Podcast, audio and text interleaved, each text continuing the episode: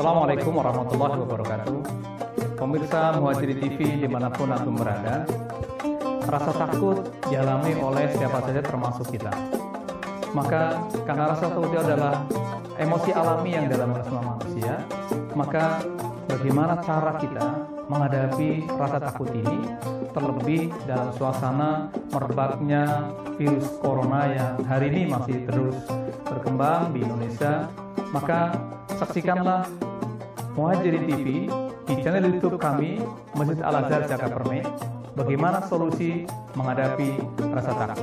Assalamualaikum warahmatullahi wabarakatuh. Bismillahirrahmanirrahim. Assalamualaikum warahmatullahi wabarakatuh. Alhamdulillah alladzi arsala rasulahu bil huda wa dinil haqq liyuzhirahu ala dini kulli wa kafa billahi syahida. Asyhadu an la ilaha illallah wa asyhadu anna Muhammadan abduhu wa rasuluh. Allahumma salli wa sallim wa barik ala Muhammad wa ala alihi wa ashabihi ajma'in amma ba'd. Fa ya ibadallah, Jamaah rahimakumullah di mana pun antum berada Alhamdulillah Puji dan syukur mari sama-sama kita panjatkan kepada Allah subhanahu wa ta'ala Atas ridho dan inayahnya pada siang ini Allah pertemukan kita Mudah-mudahan hadirnya kita di media sosial ini Dan di online ini dalam rangka taklim online. Semoga Allah akan ridhoi kita Dan memberikan tambahan ilmu dan wawasan kepada kita. Salawat dan salam semoga tetap tercurah kepada uswah dan kutuah kita Nabi kita Muhammad Sallallahu Alaihi Wasallam beserta keluarga, kerabatnya dan para sahabatnya. Dan mudah-mudahan kita termasuk kelompok beliau yang tetap istiqomah dalam menjalankan sunnah-sunnahnya hingga akhir hayat kita. Amin ya rabbal alamin. Hadirin jamaah rahimakumullah.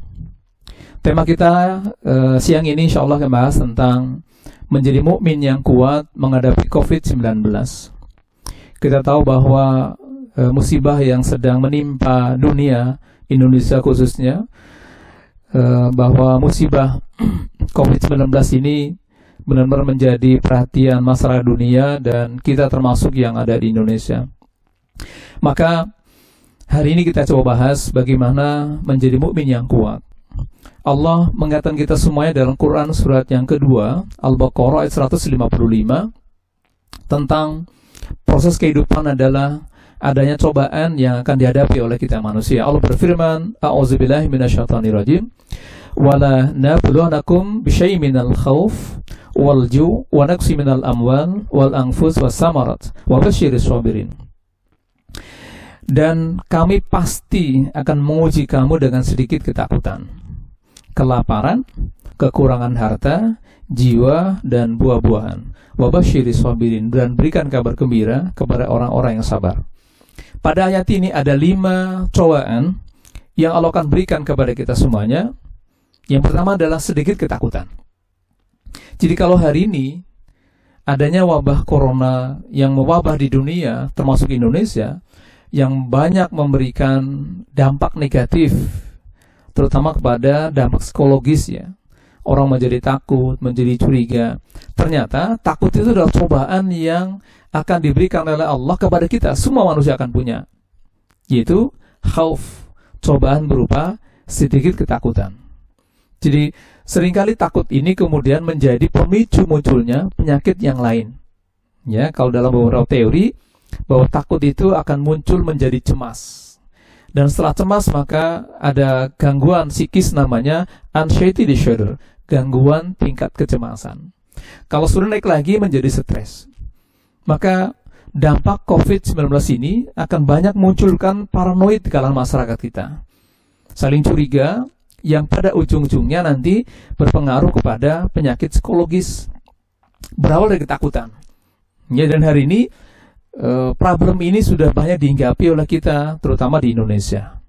Jadi Allah memberikan kepada kita dalam Quran yang mulia bahwa cobaan itu ada lima dalam ayat ini. Yang pertama adalah ketakutan. Baik, jadi takut ini adalah cobaan yang diberikan kepada manusia termasuk kita. Dan tadi takut dengan semua unsur yang ada. Ya, dari lima cobaan ini berapa takut, kemudian kelaparan, ya kekurangan harta, jiwa dan buah-buahan. Kita fokus saya satu saja, Ya, kita hari ini bahas fokus satu yaitu tentang ketakutan. Ya, karena dari lima problem itu kita akan bahas di satu poin yaitu tentang ketakutan. Apa sih faktor penyebab rasa takut itu muncul? Ya, para ahli e, memberikan definisinya bahwa banyak orang yang mengembangkan rasa takutnya dan ketakutan dalam diri sendiri. Bayangkan hari ini di mana isu virus corona yang e, mewabah yang e, mengerikan luar biasa, ya, tidak terlihat kecil tapi luar biasa ganasnya sehingga banyak orang yang kemudian dalam persepsi alam bawah sadarnya virus ini berbahaya sehingga muncullah ketakutan. Ya, takutnya itu sering kali dimunculkan dari dalam diri sendiri. Ya, jadi rasa takut itu e, secara alamiah tadi sudah Allah berikan informasi dalam Quran yang mulia bahwa takut adalah cobaan yang sifatnya diberikan kepada seluruh manusia, termasuk kita. Maka rasa takut ini ada yang dikembangkan oleh orang personal sendiri. Ya, ada orang mendengar kabar gitu tentang virus corona menyebar terutama nanti uh, informasinya kalau orang yang sudah di atas 60 itu akan sangat rentan dan mudah terkena sehingga bisa meninggal. Nah, sehingga tidak sedikit orang-orang tua yang kemudian akhirnya muncul ketakutan. Ya, takut yang sebenarnya berawal dari sesuatu yang ada dalam benaknya sendiri. Ya, ketakutan yang kemudian memunculkan yang itu ada dalam dirinya. Pertama, yang kedua sebenarnya rasa takut itu wajar karena itu e, semua orang memilikinya. Tadi hanya saja rasa takut itu kalau tidak dimanage dengan baik atau tidak dicarikan solving jalan keluar yang baik maka takut itu berubah menjadi penyakit atau menjadi gangguan. Ya, tadi jadi takut berubah menjadi cemas. Ya, maka gangguannya namanya anxiety disorder, gangguan tingkat kecemasan. Dan hari ini kita saksikan banyak orang yang sudah terkena gangguan ini. Orang jadi cemas gitu ya, jadi paranoid, e, takut yang berlebihan, ya, ketemu orang takut, semua takut. Ya, padahal bagi kita orang beriman, kita hari akan bahas tentang bagaimana membangun kekuatan ya jiwa, membangun kekuatan psikis kita secara psikologis tentang bagaimana Rasul memberikan contoh kepada kita. Ya, baik. Jadi pemicu rasa takut itu ada empat. Harus kita pahami. Pemicunya ada empat minimal. Satu, Pemicunya adalah sifat alamiah manusia. Tadi dalilnya di Quran surat yang kedua ayat 155. Bahwa ketakutan itu pemicunya alamiah. Semua orang punya. Ya, apalagi mohon maaf yang punya secara hidup ya, karena kita hari ini siapa pun kita hari ini adalah produk dari masa lalu kita. Ya, maka eh, yang dibawa oleh kita dalam kehidupan ini ada tiga. Pengalaman emosinya, tekanan yang dia terima dan konflik batinnya. Pengalaman emosi sejak lahir sampai hari ini, kemudian tekanan yang diterima juga sama dan konflik batinnya, inilah yang kemudian menjadi e, karakter kita hari ini. Maka sifat alamiah, takut itu adalah sifat alamiah yang semua orang punya. Itu pertama. Yang kedua, pengaruh lingkungan. Ya, keluarga dan tempat tinggal. Tadi ya, pengalaman emosi yang dari keluarga mungkin pola asuh orang tuanya, sering dimarah-marahin oleh bapaknya, ibunya, bahkan dikasarin oleh tetangganya, itu akan membekas dalam benak alam bawah sadarnya. Jadi terekam dalam uh, kecemasannya, emosinya, tekanan emosi, kemudian konflik batinnya, ya itu yang menjadi terekam ya dalam memori jangka panjang. Itu kedua. Yang ketiga, faktor lingkungan luar. Ini termasuk berita hoak misalnya, maka jadilah orang cerdas hari ini di saat kita dalam posisi yang kritis hari ini. Ya, jangan hanya uh, apa asal sharing misalnya berita. Saring sebelum sharing. Ya, saring sebelum sharing. Jadi kalau ada berita apa pun hari ini ya terutama tentang uh, apa bahwa corona, tolong betul jangan sampai sharing kita kepada orang lain itu menjadi beban psikis Ya, bayangkan kita sharing ke orang lain, pada itu berita hoak gitu ya, berita ke orang lain yang lainnya dan sebagainya. Betapa banyak misalnya kalau di satu grup WA misalnya ada 100 orang. Kita kasih berita hoak. Dan 100 orang itu membaca semuanya, maka yang terekam dalam alam, alam bawah sadarnya itu seolah benar. Dan itu bisa membawa dampak. Bagi orang-orang sedang punya problem psikis itu akan menjadi beban. Takut yang kemudian menjadi eh, apa terekam dalam memori alam bawah sadarnya dan itu akan terbawa. Ini uh, apa takut yang harus di manage dengan baik. Nah, yang keempat, ya, pemicu rasa takut itu adalah pengalaman traumatis. Ya, masa lalu mungkin punya problem gitu ya di keluarga tadi, di anak kecil ketika sekolah dibully oleh teman-temannya dan semuanya pokoknya akan menjadi e, pemicunya tadi dari sifat alamiah, kemudian pengaruh lingkungan keluarga atau tempat tinggal, yang ketiga e, pengaruh lingkungan luar termasuk berita ya hari ini yang sedang viral misalnya tentang e, corona. Yang ketiga adalah pengalaman traumatis. Ini pemicu munculnya e, rasa takut. Tentu masih banyak ya sumber yang lain, tetapi minimal empat ini menjadi catatan penting buat kita bahwa mengapa dalam situasi hari ini kita perlu menguatkan psikis kita, perlu menguatkan mentalitas kita dalam menghadapi COVID-19. Nah. Bagaimana Rasul SAW memberikan solusi?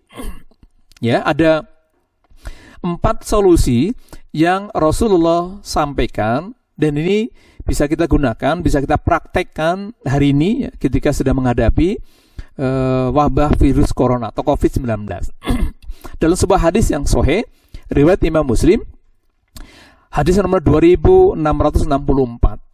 Ya, Rasul bersabda, "Al-mu'minun qawiyyun khair, wa habu ilallah minal mu'minin dhaif." Mukmin yang kuat itu lebih baik dan lebih Allah cintai daripada mukmin yang lemah. Al mukminun qawiyyun khair. Ya. Lebih baik ya, wahabu ilal mu'minin dhaif daripada mukmin yang uh, lemah. Jadi mukmin yang kuat itu lebih baik dan lebih Allah cintai daripada mukmin yang lemah. Kemudian wa khair. Karena bagi orang beriman itu setiap sesuatu pasti ada kebaikannya. Nah, ada empat pesan beliau dalam hadis ini. Pertama, ikhris alama fauk. Ya, jadi untuk menjadikan mukmin yang kuat, karena Rasul mengatakan bersabda al mukminun kawin. Ya, bahwa mukmin yang kuat itu lebih baik dan lebih Allah cintai. Maka untuk membangun mukmin yang kuat itu pada hadis ini ada empat. Pertama, ikhris alama infauk. Bersemangat dalam melakukan kebaikan atau bersemangat dalam melakukan sesuatu yang berdampak baik pada dirinya. Misalnya, kalau hari ini sedang muncul ramai-ramai virus corona yang kemudian menjadi uh, apa pandemi di dunia bahkan di Indonesia juga yang menjadi pemicu banyak ketakutan orang muncul, maka apa yang bisa kita lakukan? Ya, melakukan kebaikan-kebaikan yang bisa berdampak baik pada kita. Satu, pemerintah kita punya kebijakan. Kebijakannya jangan keluar rumah, kurangin keluar rumah. Kenapa? Karena penyebaran COVID-19 itu banyak dilakukan kalau semakin banyak interaksi dengan orang lain, kemudian itu bisa menjadi menyebar. Maka pemerintah, eh, imbauan pemerintah adalah banyakin di rumah, tidak usah banyak keluar. Majelis ulama juga bikin fatwa akhirnya. Apa fatwanya? Untuk mendukung imbauan pemerintah, menjaga kesehatan dan eh, apa keuntungan kaum muslimin, ini wabah menular, maka MUI pun membuat fatwa Fatwanya apa? Fatwanya dianjurkan kaum muslimin untuk sholat e, di rumah masing-masing. Bahkan dianjurkan untuk tidak sholat Jumat. Ini dalam rangka tadi, kalau dalam pendekatan hadis ini, dalam pendekatan terapi ini adalah ihris alamain fauk, bersemangat dalam melakukan sesuatu yang berdampak baik pada dirinya. Jadi kalau tadi misalnya uh, sesuatu ya kita lagi uh, berusaha menjadi uh, apa mengurangi pandemi muncul pandemi virus COVID-19 ini maka bersemangat kita ya di rumah bersemangat dengan beraktivitas di rumah kerja di rumah semua di rumah itu dalam rangka niat satu niatnya adalah ini bagian dari usaha agar virus ini tidak berkembang kemudian kita ikut menjaga juga lingkungan dan saudara kita ini semangat yang pertama, yaitu ihris ala main fauk. Bersemangatlah dalam melakukan sesuatu yang berdampak baik pada dirinya. Yang kedua adalah wasta'in billah. Minta tolonglah kepada Allah. Jadi pertama tadi usaha, ya kita berusaha, eh, pemerintah punya usaha, MUI juga punya usaha, semua punya usaha dalam rangka apa? Membentengi manusia, umat Islam terutama Indonesia dari korban wabah virus menular COVID-19 ini. Maka yang kedua adalah jangan lupa wasta'in billah. Minta tolonglah kepada Allah. Dalam hal apa saja? Semua hal termasuk dalam menghadapi virus corona ini. Maka minta tolong pada Allah itu banyak hal. Dalam sehari semalam kita minimal wajib membaca doa. Apa doanya? Iya karena budu, wa iya karena stain. Ini doa yang wajib dibaca dalam sholat. Minimal 17 kali. Hanya kepadamu lah kalau kami menyembah dan hanya kepadamu lah ya Allah kami meminta pertolongan. Maka langkah kedua yang Rasul anjurkan kepada kita adalah wasta'in billah. Minta tolonglah kepada Allah Subhanahu wa taala. Perbanyak doa. Perbanyak ibadah, perbanyak zikir. Dalam rangka apa? Dalam rangka minta pertolongan kepada Allah Subhanahu wa taala. Ini yang kedua. Yang ketiga, pesan Rasul wala ta'jas, jangan mudah putus asa. Jangan lemah dan berputus asa. Jadi hari ini kita ya sama-sama belajar bagaimana menguatkan jiwa kita, menguatkan eh, psikologis kita, keimanan kita. Pesan Rasul yang ketiga adalah wala ta'jis, jangan mudah putus asa kuatkan jiwa kita, maka salah satunya solusi untuk menguatkan jiwa kita adalah dengan memperbanyak zikir dan sholat malam. Nah, yang keempat, hadirin, kaum muslimin rahimakumullah, pesan Rasul yang keempat adalah kalau ada musibah, wa nasobaka syai' apabila ada musibah menimpa kalian, termasuk hari ini, ya, ada musibah dan sebagainya, maka pesan Rasul ya lau anni fa'alta kun kana kadza wa kadza walakin aqul qadarallahu masya'a jangan sibuk menyalahkan kanan kiri menyalahkan ini itu dan sebagainya tetapi katakanlah ini takdirnya Allah jadi kesimpulannya bahwa untuk menjadi mukmin yang kuat dalam menghadapi COVID-19 ini ada empat langkah yang Rasul sampaikan kepada kita. Pertama, bersemangat dalam melakukan hal baik atau yang bisa membawa kebaikan. Yang kedua adalah selalu minta tolong kepada Allah Subhanahu wa taala dalam berbagai hal, termasuk dalam menghadapi COVID-19 ini. Yang ketiga, jangan mudah putus asa, jangan mudah menyerah, dan jangan mudah frustasi. Kuatkan jiwa kita. Yang ketiga adalah, yang keempatnya, kalau ada musibah, ada kejadian atau ada bencana termasuk musibah yang sedang menimpa dunia bahkan Indonesia ini, maka jangan sibuk menyalahkan orang lain, tapi pasrahkan ini takdirnya Allah. Jadi, kaum muslimin rahimakumullah, untuk menjadi mukmin yang kuat menghadapi COVID-19 ada empat yang pesan Rasul tadi, ini ada dalam hadis Sahih Muslim di 2664 di jilid yang kedua dalam kitab Sahih Muslim. Mudah-mudahan empat hal ini bisa kita praktekkan dalam kehidupan kita. Sekali lagi pertama adalah bersemangat dalam melakukan kebaikan. Yang kedua, selalu minta tolong kepada Allah Subhanahu wa taala. Yang ketiga, tidak mudah putus asa dan tidak mudah frustasi dan yang keempat adalah memasrahkan ketika mendapatkan musibah kepada Allah Subhanahu wa taala. Mudah-mudahan ada manfaatnya dan bisa kita ambil hikmah uh, dalam kehidupan kita bersemangat dalam menghadapi COVID-19 menjadi mukmin yang kuat sebagaimana yang dicontohkan oleh Rasulullah SAW. Terima kasih. Billahi taufiq walidayah. Assalamualaikum warahmatullahi wabarakatuh.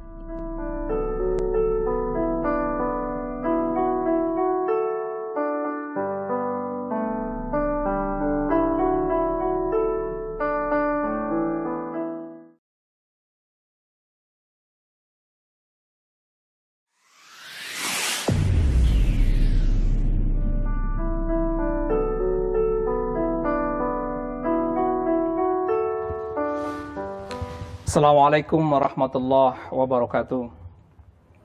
Alhamdulillah alladzi khalaqal mauta wal hayata liyabluwakum ayyukum ahsanu amala. Asyhadu an la ilaha illallah wa asyhadu anna Muhammadan abduhu wa rasuluh. Allahumma salli wa sallim wa barik ala Muhammad wa ala alihi wa ashabihi ajma'in amma ba'd. Alhamdulillah puji syukur atas takdir Allah pada hari ini Allah pertemukan kita kembali, pemirsa Muhajirin TV di mana pun Anda berada. Puji syukur atas takdir Allah, hari ini Allah pertemukan kita dalam suasana penuh dengan semangat, optimis, di tengah mewabahnya virus corona. Mudah-mudahan Allah akan selamatkan kita dari musibah ini. Salawat dan salam semoga tetap tercurah kepada uswah dan kutua kita. Nabi kita Muhammad Sallallahu Alaihi Wasallam, serta keluarga, kerabatnya, dan para sahabatnya. Dan mudah-mudahan kita termasuk kelompok beliau yang tetap istiqomah dalam menjalankan sunnah-sunnahnya hingga akhir hayat kita. Amin ya Rabbal Alamin.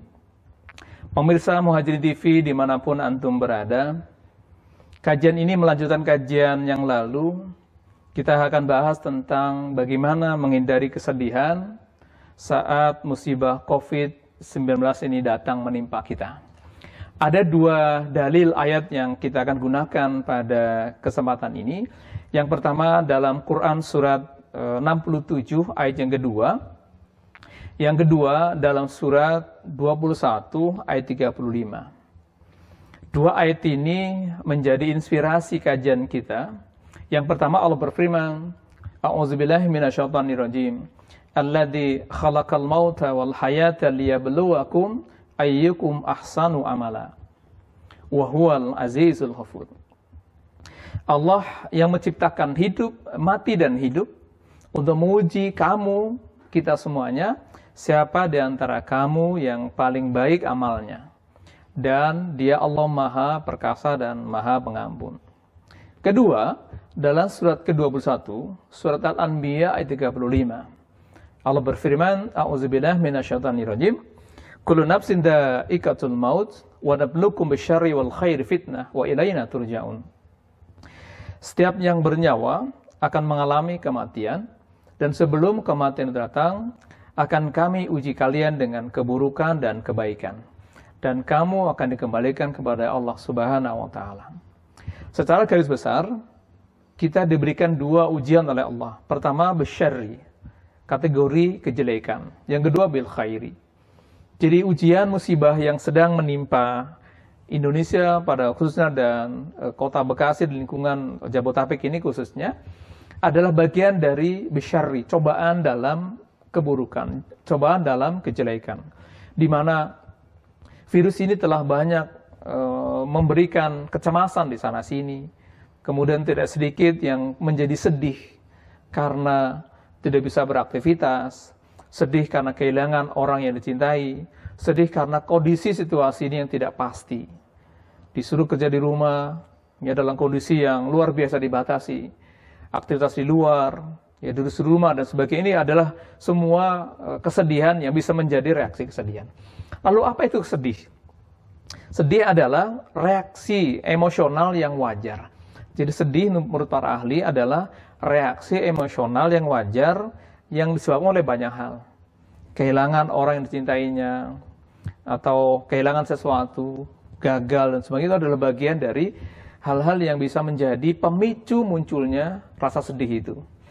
Maka penyebabnya banyak sedih itu. Ya, ada karena reaksi stres yang akut, ya stres, kemudian lama nggak ada solusi menjadi sedih. Kemudian ada gangguan kecemasan. Kalau kesempatan eh, yang lalu kita bahas tentang eh, apa takut yang bisa menjadi cemas, maka ini kelanjutannya bahwa takut yang berlebihan atau cemas yang berlebihan nanti pada ujungnya jadi sedih. Ini yang eh, pemicu ya munculnya atau minimal menjadi pemicu munculnya kesedihan, stres yang akut yang berlebihan. Kemudian depresi juga demikian atau psikosomatis dan fobia. Dan masih banyak lagi pemicu munculnya sedih itu. Dan itu bisa dialami oleh siapa saja. Dalam Quran, surat ke-12 ayat 84 menjadi eh, dalil bahwa sedih itu sesuatu eh, yang eh, alami pernah dialami oleh manusia. Di dalam Quran surat 12 ini Allah berfirman, "A'udzubillahi minasyaitonirrajim. Bismillahirrahmanirrahim. Wa tawalla anhum wa qala ya asafa ala Yusuf. Ketika Nabi Yakub itu di uh, apa dilapori oleh anaknya ya tentang kabar hilangnya Nabi Yusuf, maka beliau berpaling dari anaknya, ya asafa ala Yusuf. Aduh betapa dukaku ya. Ini ketika Nabi Yakub dilapori anaknya tentang uh, apa Nabi Yusuf yang hilang, maka sebagai orang tua tentu sedihnya luar biasa. Maka waqala ya asafa ala Yusuf.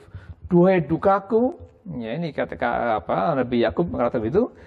Kemudian saking sedihnya, wabyadat ainahu sampai beliau menangis ya sampai matanya kemudian buta. Ya memutih gitu. Saking sedihnya. Kenapa? Karena minal husni fahuwal kazim. Karena menahan amarah ya um, diam dan menahan amarah.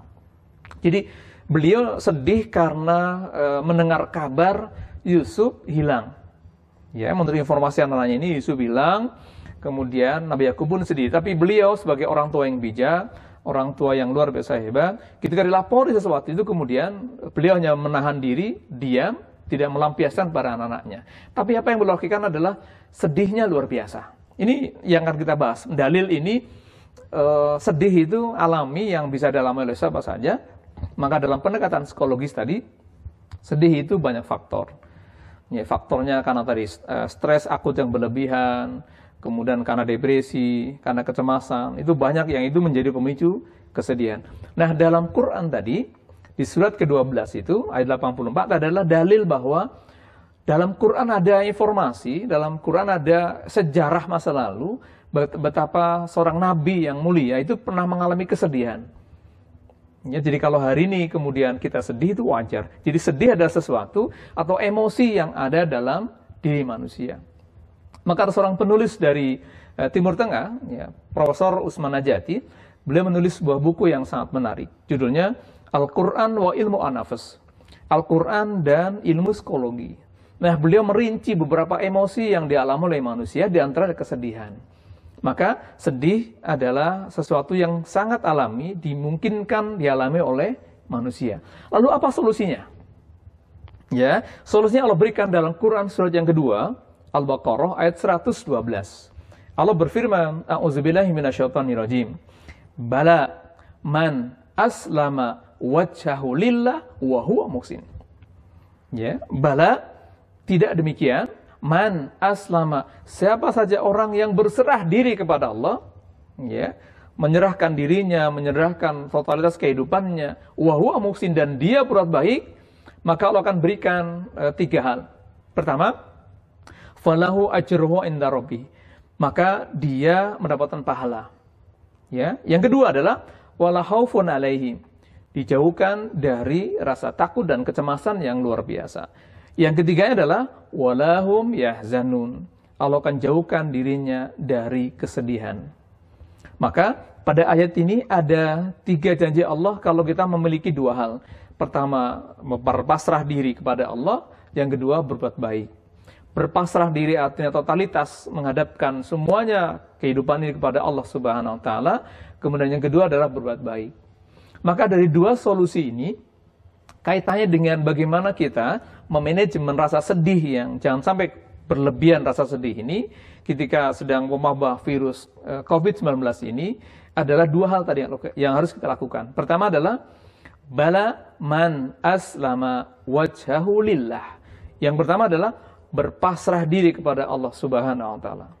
Apa yang kita pasrahkan? Di Quran surah yang ke-6 ayat 162 ada empat hal yang kita pasrahkan dalam kehidupan ini. Yang pertama, kul ina sholati wa nusuki wa mahyaya wa mamati lillahi rabbil alamin. Empat hal yang kita pasrahkan itu. Yang pertama adalah solatnya, aktivitas ibadahnya, semua dalam rangkaian sholat, sholat, sholat, puasa, zakat, haji, semuanya lillah. Yang kedua adalah wanusuki, aktivitas kita, ya bekerja, membantu, mengurus keluarga, mengurus suami, bekerja untuk anak istri di rumah, itu adalah bagian dari ibadah. Maka lillah harus karena Allah SWT. Yang ketiga adalah wamahyaya, hidupnya wama mati, kemudian matinya. Nah, kalau empat hal ini sudah kita pasangkan kepada Allah, maka ketika terjadi musibah, termasuk hari ini musibah yang sangat menakutkan, e, membuat banyak orang yang takut, yang sedih luar biasa, maka Quran tadi berikan solusinya adalah dengan memasrahkan kepada Allah Subhanahu wa taala. Apa yang dipasrahkan? Empat hal, yaitu solatnya yang wakili semua ibadahnya, kemudian aktivitasnya, kemudian hidupnya dan matinya lillahi rabbil alamin karena Allah Subhanahu wa taala. Jadi solusi dalam Quran untuk mengurangi rasa sedih atau menghindari rasa sedih atau manajemen kesedihan, jangan sampai sedih ini naik menjadi depresi. Ya, jadi sedih ini kalau tidak dimanage dengan baik, maka bisa naik menjadi depresi. Dan kalau sudah depresi, saat mungkin akan muncul nanti penyakitnya namanya psikosomatis. Ya, penyakit-penyakit fisik yang dipengaruhi oleh psikis. Tadi Nabi Yakub itu beliau mata sampai buta, itu kenapa? Karena sedih, nangis yang luar biasa. Nah, rasa sedih itu kemudian sampai menangis dan kedua mata beliau sampai buta. Ya, dalam teori kedokteran modern, inilah yang disebut dengan istilah psikosomatis. Jadi beliau kenapa mengalami penyakit fisik? Karena gangguan psikis. Maka bagi kita, kaum muslimin orang yang beriman, ketika menghadapi musibah, berupa penyebaran eh, apa virus corona yang luar biasa ini merebak di Indonesia, eh, korban makin hari makin banyak, maka pertama yang harus kita lakukan adalah berpasrah diri kepada Allah Subhanahu wa taala. Dari dalilnya di Quran surat Al-Baqarah ayat 112. Bala man aslama wajhahu lillah. Yaitu orang yang berpasrah kepada Allah Subhanahu wa taala. Totalitas pasrahannya. Dari pasrahnya itu empat hal yang dipasrahkan. Yaitu pasrah tentang sholatnya, tentang aktivitasnya, tentang hidupnya, tentang matinya. Totalitas. Maka kepasrahan inilah yang menjadi kata kunci untuk menghindari sedih yang berlebihan. Ketika eh, sedih tadi tidak dimanage dengan baik, maka itu akan menjadi pemicu munculnya penyakit yang lain, namanya depresi. Dan bisa menjadi pemicu berikutnya namanya penyakit psikosomatis. Itu pertama solusinya.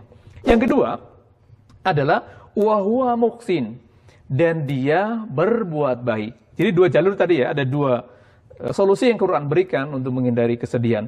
Yaitu pertama berpasrah kepada Allah, yang kedua adalah e, berbuat baik. Lalu bagaimana cara berbuat baik? Ya, kalau tadi berpasrah itu dalilnya dalam Quran surat yang ke-6 ayat 162 ada empat yang dipasrahkan, maka orang yang dalilnya muksin atau berbuat baik juga ada empat. Dalilnya ada dalam Quran surat yang kedua Al-Baqarah ayat 177. Jadi empat juga. Jadi pasrahnya ada empat, kemudian berbuat baiknya juga ada empat. Ini solusi, jadi ada delapan. Empat dari turunan pasrah, empat berikutnya dari turunan berbuat baik. Dalam surat Al-Baqarah, ayat yang ke-177. Ya, Allah berfirman, "A'udzubillahi minasyaitonirrajim. Laisal birra an tuwallu qiblal masyriq wal maghrib, walakinnal birra man amana billah wal yawmil akhir wal malaika wal kitab wan nabiyyin." Ini penggalan pertama. Jadi bukanlah kebaikan itu, bukanlah kebajikan itu, kecuali akidahnya kuat. Baik, jadi pertama, syarat untuk menjadi orang baik adalah berakidah yang lurus, berakidah yang benar. Maka untuk menghindari kesedihan yang bisa menjadi pemicu penyakit berikutnya dalam suasana musibah COVID-19 ini, perbaiki akidahnya. Syarat pertama. Yang kedua, baru disambung rangkaian masih ayat yang sama, yaitu memberikan kepada karib kerabat. Ya, di Quran di surat yang sama Al-Baqarah, wa antal mala ala habidawil kurba wal yatama wal masakin wa sabil. Jadi setelah tadi penggalan pertama itu bicara masalah akidah, penggalan kedua adalah kepedulian kepada dawil kurba, kedua orang tua, karib kerabat, anak yatim dan sebagainya. Jadi langkah yang kedua untuk menghindari kesedihan adalah banyakin sedekah, banyakin infak. Kepada siapa? Kepada dawil kurba, kepada kedua orang tua, karib kerabat, dan para yang lain. Ini yang kedua, syarat menjadi orang baik. Dan syarat menjadi baik yang ketiga adalah wa kimi sholah wa atu zakah. Perbaiki ibadahnya. Nah, yang keempat dari syarat menjadi orang yang baik adalah menepati janji, kemudian bersabar. Inilah empat kaidah syarat kebaikan yang ada dalam Quran surat Al-Baqarah ayat 177. Maka pemirsa Muhajirin TV di mana pun antum berada, bahwa solusi dari rasa sedih yang menimpa kita dalam suasana musibah yang kita tidak tahu ya kapan menimpa kita bahkan menimpa saudara-saudara kita karena virus COVID-19 sangat kecil Ini makhluk Allah sangat kecil yang tidak terlihat tapi sangat ganas. Maka jangan sampai pengaruh-pengaruh informasi-informasi yang kita dapatkan menjadikan kita bersedih hati, menjadi tidak punya gairah hidup, maka Quran berikan dua solusi utama. Yaitu pertama adalah berpasrah diri kepada Allah Subhanahu wa taala, yang kedua adalah berbuat baik. Nah, yang pertama tadi berpasrah diri ada empat dalil berikutnya, yaitu dipasrahkan adalah ibadahnya, kemudian eh, sholatnya, ibadahnya, kemudian hidupnya, matinya. Empat hal. Ya, syarat berpasrah diri. Dan yang kedua, syarat jadi orang baik juga ada empat. Yaitu baik akidahnya, baik dengan lingkungannya, baik ibadahnya, dan baik akhlaknya. Inilah empat syarat menjadi orang baik yang Allah firmankan dalam Quran surat Al-Baqarah ayat 177. Maka kesimpulannya, hadirin pemirsa Muhajirin TV yang dirahmati Allah, menjadi uh, orang yang bisa menjaga diri ketika nanti sedih itu datang. Jadi sedih itu adalah luapan emosi yang sangat mungkin dialami oleh siapa saja termasuk kita. Maka kalau ada darah kita yang sedang mengalami rasa sedih, kesedihan, entah banyak hal, entah ditinggal orang yang kita sayangi, atau entah banyak informasi berita yang eh, tentang COVID-19 yang kemudian menjadikan kita sedih karena takut eh, nggak bisa ngapa-ngapain gitu ya. Maka lakukanlah dua hal tadi, dua hal utama, yaitu dalilnya dalam Quran surat yang kedua, Al-Baqarah 112 yang pertama adalah berpasrah diri kepada Allah Subhanahu wa taala, yang kedua berusaha berbuat baik. Maka turunannya tadi yang pertama adalah empat hal, yaitu berpasrah kepada masalah ibadahnya, berpasrah semua aktivitasnya, berpasrah kehidupannya dan kematiannya. Lillah, sudah selesai. Kalau sudah pasrah empat ini, maka apa yang kita hadapi, insya Allah mudah-mudahan menjadi ringan. Dan yang kedua adalah berusaha jadi orang baik. Dengan memahami empat hal tadi. Perbaiki akidahnya. Kenapa akidah sangat penting? Karena dia adalah pondasi yang menaungi keimanan kita. Ketika sedih itu datang dan pondasi imannya kuat, maka janji Allah wala haufun alaihim walahum yahzanun Allah akan jauhkan dari ketakutan dan kesedihan dalam kehidupannya. Maka akidah perbaiki, yang kedua adalah perbaiki hubungan kita dengan keluarga, dengan orang tua, karib kerabat, dengan banyak bersedekah dan sebagainya. Dan yang ketiga adalah perbaiki kualitas sholatnya, ibadahnya. Yang keempat adalah akhlak kita dijaga, akhlak kita diperbaiki. Itu empat hal ya dari syarat untuk menjadi orang baik. Maka mudah-mudahan apa yang kita bahas eh, hari ini, ya, tema kita tentang menghindari kesedihan, saat musibah COVID-19 ini datang, ya dengan dua hal tadi, ya, uh, yaitu berpasrah diri kepada Allah dan berbuat baik dengan dua semua turunannya, ya, berpasrah tadi semua hidupnya dipasrahkan, mati dipasrahkan, ibadah dipasrahkan, semua aktivitas dipasrahkan, ya, lillahi ta'ala, termasuk sholatnya, ya, diganti, tidak di sholat di masjid, dan bisa berjamaah, tentu sedih, iya, yang biasa sholat Jumat di masjid, nggak boleh sholat Jumat, tentu sedih. Iya, tapi jadikan itu, ini bagian dari upaya kita dalam rangka menghindari rebaknya virus corona. Itu bagian dari upaya kita juga berpasrah kepada Allah Subhanahu wa taala. Bukan berarti ada yang berkata bahwa kan kita sudah beriman, sudah pasang kalau sudah mati mati, ya. Bukan itu masalahnya. Ini masalahnya karena yang kita hadapi sesuatu yang tidak terlihat. Ya, di sinilah berlakunya kita harus bijak. Bijak menghadapi masalah dan jangan sampai muncul kesedihan berlebihan itu akan merusak ketenangan batin kita. Mudah-mudahan ada manfaatnya kepada Allah lah kita pasrahkan semuanya. Mudah-mudahan Allah akan berikan kita bimbingan, arahan dalam kehidupan ini. Semoga Allah segera bebaskan kita, lingkungan kita, negara kita, dan dunia pada umumnya dari wabah virus corona yang sangat membahayakan dan sangat menakutkan kita semuanya. Bilahi taufiq walidayah. Assalamualaikum warahmatullahi wabarakatuh.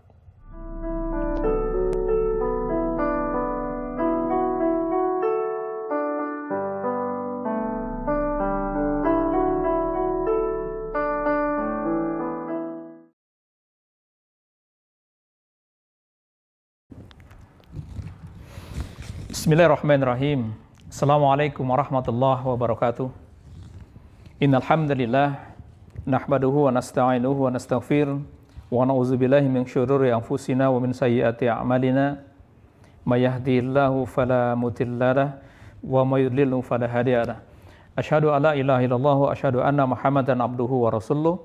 Allahumma salli wa sallim wa barik ala Muhammad wa ala alihi wa ashabihi ajma'in amma ba'd. Hadirin rahimakumullah. Kita hari ini masih dalam suasana pandemi virus Corona 19. Maka berapa hal yang perlu kita perhatikan. Kita semua dalam kondisi sulit. Termasuk dalam Ramadan tahun ini yang penuh dengan keprihatinan di mana pandemi ini masih terus berkembang dan kita masih mengikuti anjuran pemerintah dan para ulama kita untuk tetap ada di rumah, ibadah dari rumah, bekerja di rumah. Ini semua dalam rangka berikhtiar untuk segera keluar dari pandemi virus Corona 19 ini.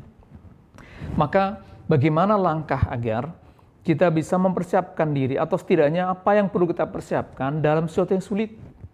Kita dalam kondisi sulit hari ini Orang tidak boleh keluar rumah, bekerja pun tidak boleh ke kantor, ibadah pun tidak boleh ke masjid. Kita tarawih di rumah, ya, kita sholat dulu di rumah, semua dalam rangka mengikuti anjuran para ahli, pemerintah, dan para ulama kita untuk tetap berdiam diri di rumah. Ini tentu kondisi sulit. Maka dalam Quran ada kisah yang menarik yang setidaknya ini bisa menjadi inspirasi buat kita dalam menghadapi situasi yang sulit yaitu pada kisah Nabi Yunus alaihissalam. Allah kisahkan dalam Quran surat Al-Anbiya surat ke-21 ayat ke-87. Ada setidaknya tiga amalan, ada tiga hal. Ini merupakan doa yang dibaca Nabi Yunus saat kondisi beliau ditelan ikan di dalam perut ikan, kita bisa bayangkan di dalam ikan eh, perut ikan, kemudian eh, di malam hari di tengah di bawah laut, bagaimana kondisi gelapnya. Maka beliau berdoa, La ilaha illa anta subhanaka ini kuntu minazolimin. Ini doanya mengandung tiga hal. La ilaha illa anta ini tauhid, subhanaka ini tasbih, ini kuntu minazolimin pengakuan dosa. Maka setidaknya ada tiga T yang perlu kita persiapkan dalam situasi sulit seperti sekarang ini. Kalau tadi doanya perlu juga dibaca ya oleh jamaah semuanya kita baca eh, zikir ini sebagai doa sebagai bahan zikir kita pagi, siang, malam sampai sholat juga boleh dibaca. Zikir dalam situasi yang sulit, doa dalam situasi yang sulit, yaitu la ilaha illa anta subhanaka inni kuntu minazolimin. Jadikan ini zikir tetapi yang kita bahas bukan makna zikirnya, tetapi di balik zikir ini ada tiga hal yang penting yang bisa kita jadikan acuan untuk mengembangkan diri kita atau setidaknya mempre, apa, menjaga kita dalam situasi yang sulit. Ya, jadi tiga T. Yang pertama adalah tauhid. La ilaha illa anta. Ini tauhid. Maka mari dalam situasi sulit seperti sekarang ini kita perbaiki akidah kita tauhid kita perlu kita perbaiki. Kalau selama ini mungkin keimanan kita masih naik turun, kadar tauhid kita masih lemah, maka tauhid kita mari perbaiki. Itulah yang dilakukan Nabi Yunus ketika terjebak di dalam perut ikan. Kita bayangkan ya, di perut ikan e, dalam kondisi gelap, malam hari, dan di dasar laut yang sangat dalam. Maka gelapnya bertambah-tambah. Maka pertama yang beliau lakukan tadi dengan berdoa mengakui ya tentang ketauhidan Allah Subhanahu wa taala. Ini masalah akidah. Maka tauhid atau akidah ini yang perlu kita perbaiki dalam sulit agar ketika nanti suatu saat kita menghadapi seperti sekarang ini, seperti sulit, kita tidak terombang-ambing. Maka Allah menggambarkan bagaimana tauhid yang kuat, bagaimana iman yang kuat dianalogikan dengan pohon yang baik. Dalam firman-Nya, Quran surat ke-14 ayat 24, 25 sampai dengan 27. Allah mengatakan kita berenung begini. Auzubillahi minasyaitonirrajim. Alam taro kaifa daraballahu masalan kalimatun thayyibah? Ya. Allah dalam ayatnya ini ingin mencoba mengajak kita merenung, apakah kalian tidak berpikir dan merenung bagaimana Allah membuat kalimat, permohonan kalimat yang baik dengan pohon yang baik? Apa pohon yang baik itu? Aslu asabit wa sama. Bahwa pohon yang baik atau akidah yang kuat itu adalah seperti pohon yang tertancap ke dalam bumi, punya akar yang kuat, dan danya menjulang ke langit. Inilah mengapa rahasianya Nabi Yunus ketika terjebak dalam perut ikan itu, yang pertama beliau baca adalah pengakuan tauhid pada Allah Subhanahu wa taala. La ilaha illa anta. Maka dalam situasi sulit sekarang ini yang perlu kita perbaiki, yang perlu kita kuatkan adalah akidah kita. Supaya apa? Agar kita tidak terombang-ambing. Tadi ya analogi seperti pohon, begitu ada masalah, ada musibah dia tetap tegar. Tidak seperti pohon yang jelek yang digambarkan dalam surat yang sama, surat Ibrahim, surat ke-14 ayat 26-nya. Yaitu kalimatun saat pohon yang jelek yang tercabut dari akarnya sehingga kelihatan dia pohonnya bagus, tapi begitu ada angin, kena angin roboh. Hari ini kita bisa saksikan ketika virus pandemi virus ini berkembang di Indonesia bahkan di dunia, tidak sedikit orang-orang Islam yang kemudian imannya dipertaruhkan. Menjadi lemah kembali imannya Bahkan tidak sedikit yang stres. Mengapa? Padahal dia memiliki Tuhan Allah yang maha segala-galanya. Maka belajar para Nabi Yunus, yang pertama adalah perbaiki tauhidnya. La ilaha illa anta. Perbaiki tauhid. Ya, perbaiki akidah. Ini saatnya kita sama-sama introspeksi diri. Ya, di Ramadan yang mulia tahun ini, kita sama-sama belajar menguatkan tauhid kita agar bisa menjaga kita dalam situasi yang sulit. Itu pertama. Yang kedua, subhanaka. Mentasbih, mensucikan Allah Subhanahu wa taala. Jadi kalau tauhid sebagai pilar uh, utama ya, uh, pilar utama, maka bertasbih mensucikan Allah tidak ada kesyirikan di situ, tidak ada batas antara kita dengan Allah Subhanahu wa taala. Dalam sholat kita selalu membaca, bahkan itu bacaan wajib. Ya, iya karena budu, wa iya karena stain. Hanya kepadamu Allah kami menyembah, dan hanya kepadamu lah kami minta pertolongan. Tapi tidak sedikit kita, kaum muslimin terutama, yang ketika menghadapi masalah, itu justru lari dari Allah. Tidak sedikit hari ini orang-orang Islam, orang yang beragama Islam, ketika muncul virus corona, dia lebih takut pada virusnya daripada takut pada Allah sendiri. Ini tadi pertama akidahnya bermasalah, yang kedua berarti dia memiliki hubungan yang kurang harmonis dengan Allah Subhanahu wa taala. Maka langkah yang kedua yang dibaca Nabi Yunus alaihissalam adalah mensucikan Allah Subhanahu wa taala. Ya, la ilaha illa anta subhanaka. Engkau maha suci ya Allah dari segala halnya. Maka dalam situasi yang sulit yang perlu kita perbaiki kedua adalah hubungan kita dengan Allah. Jangan sampai kita terlalu takut kepada makhluknya Allah sehingga menggeser hubungan kita dengan Allah. Sehingga menggeser kekuasaan Allah, sehingga menggeser kekuasaan Allah pada diri kita. Seolah-olah ada penguasa lain selain Allah Subhanahu wa taala. Bukan tidak sedikit ya. Hari ini orang-orang Islam yang tadi lebih takut kepada virus corona makhluknya Allah daripada Allah sendiri. Ya, maka tidak sedikit kemudian orang-orang Islam yang imannya masih lemah, yang kemudian justru malah lari dari Allah Subhanahu wa taala. Itu yang kedua. Jadi pertama tadi tauhidnya diperbaiki, yang kedua tasbihnya diperbaiki. Yang ketiga, ini kuntu minazalimin. Taubatnya diperbaiki.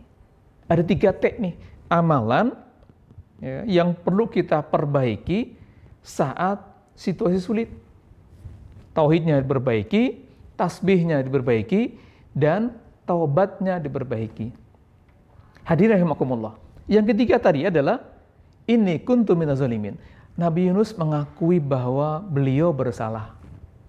Ya, kalau kisahnya cukup panjang latar belakang ayat ini, tetapi yang perlu kita jadikan pegangan pelajaran hari ini bahwa Nabi Yunus mengajarkan kepada kita bagaimana menghadapi dalam situasi yang sulit luar biasa Maka kalau Nabi Yunus tadi dalam perut ikan yang mengerikan, menakutkan, kalau kita bawa analogi ini kepada kondisi kita hari ini, di mana virus eh, corona yang begitu mengerikan ini, maka mudah-mudahan kita bisa memperbaiki tiga T tadi. Tauhid kita diperbaiki, tasbih kita diperbaiki, dan taubat kita diperbaiki. Perbanyak istighfar. Jadi zikir tadi ya bisa dibaca nanti di Quran surat Al-Anbiya surat ke-21 ayat 87 di tengah-tengah sampai terakhir. Ya, la ilaha illa anta subhanaka inni kuntu minazalimin. Ya, pengakuan tauhid pada Allah, mencucikan Allah dan mengakui kesalahannya kepada Allah Subhanahu wa taala. Karena kita makhluk yang banyak berbuat dosa, banyak berbuat salah karena orang disengaja. Ya, yang tidak yang disengaja kemudian tidak disengaja. Maka hadirin kesimpulannya adalah bahwa dalam situasi yang sulit saat mungkin hari ini kita sedang hadapi bersama, di tengah virus corona masih merebak, di bulan suci Ramadan, kita suasananya sedang dalam ketakutan. Maka setidaknya tadi, tiga T yang perlu kita lakukan, perlu kita perbaiki. Tauhidnya, tasbihnya, dan taubatnya diperbaiki. Inilah yang bisa kita uh, apa, lakukan di tengah virus uh, corona yang terus berkembang. Mudah-mudahan kita termasuk orang-orang yang Allah jaga dalam situasi apa pun, termasuk seperti sulit seperti sekarang ini.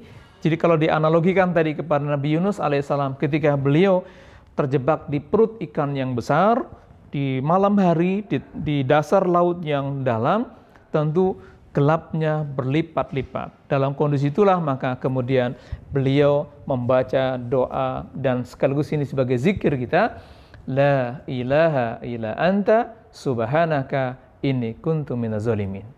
Mudah-mudahan kita baca zikir ini rutinkan sebagai lafaz zikir, tetapi di balik zikir itu ada tiga amalan yang perlu kita perbaiki.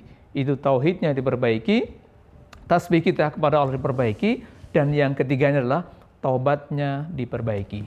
Mudah-mudahan ada manfaatnya dan Allah memberikan kepada kita perlindungan dari semua mara bahaya. Bilahi taufik wal hidayah. Assalamualaikum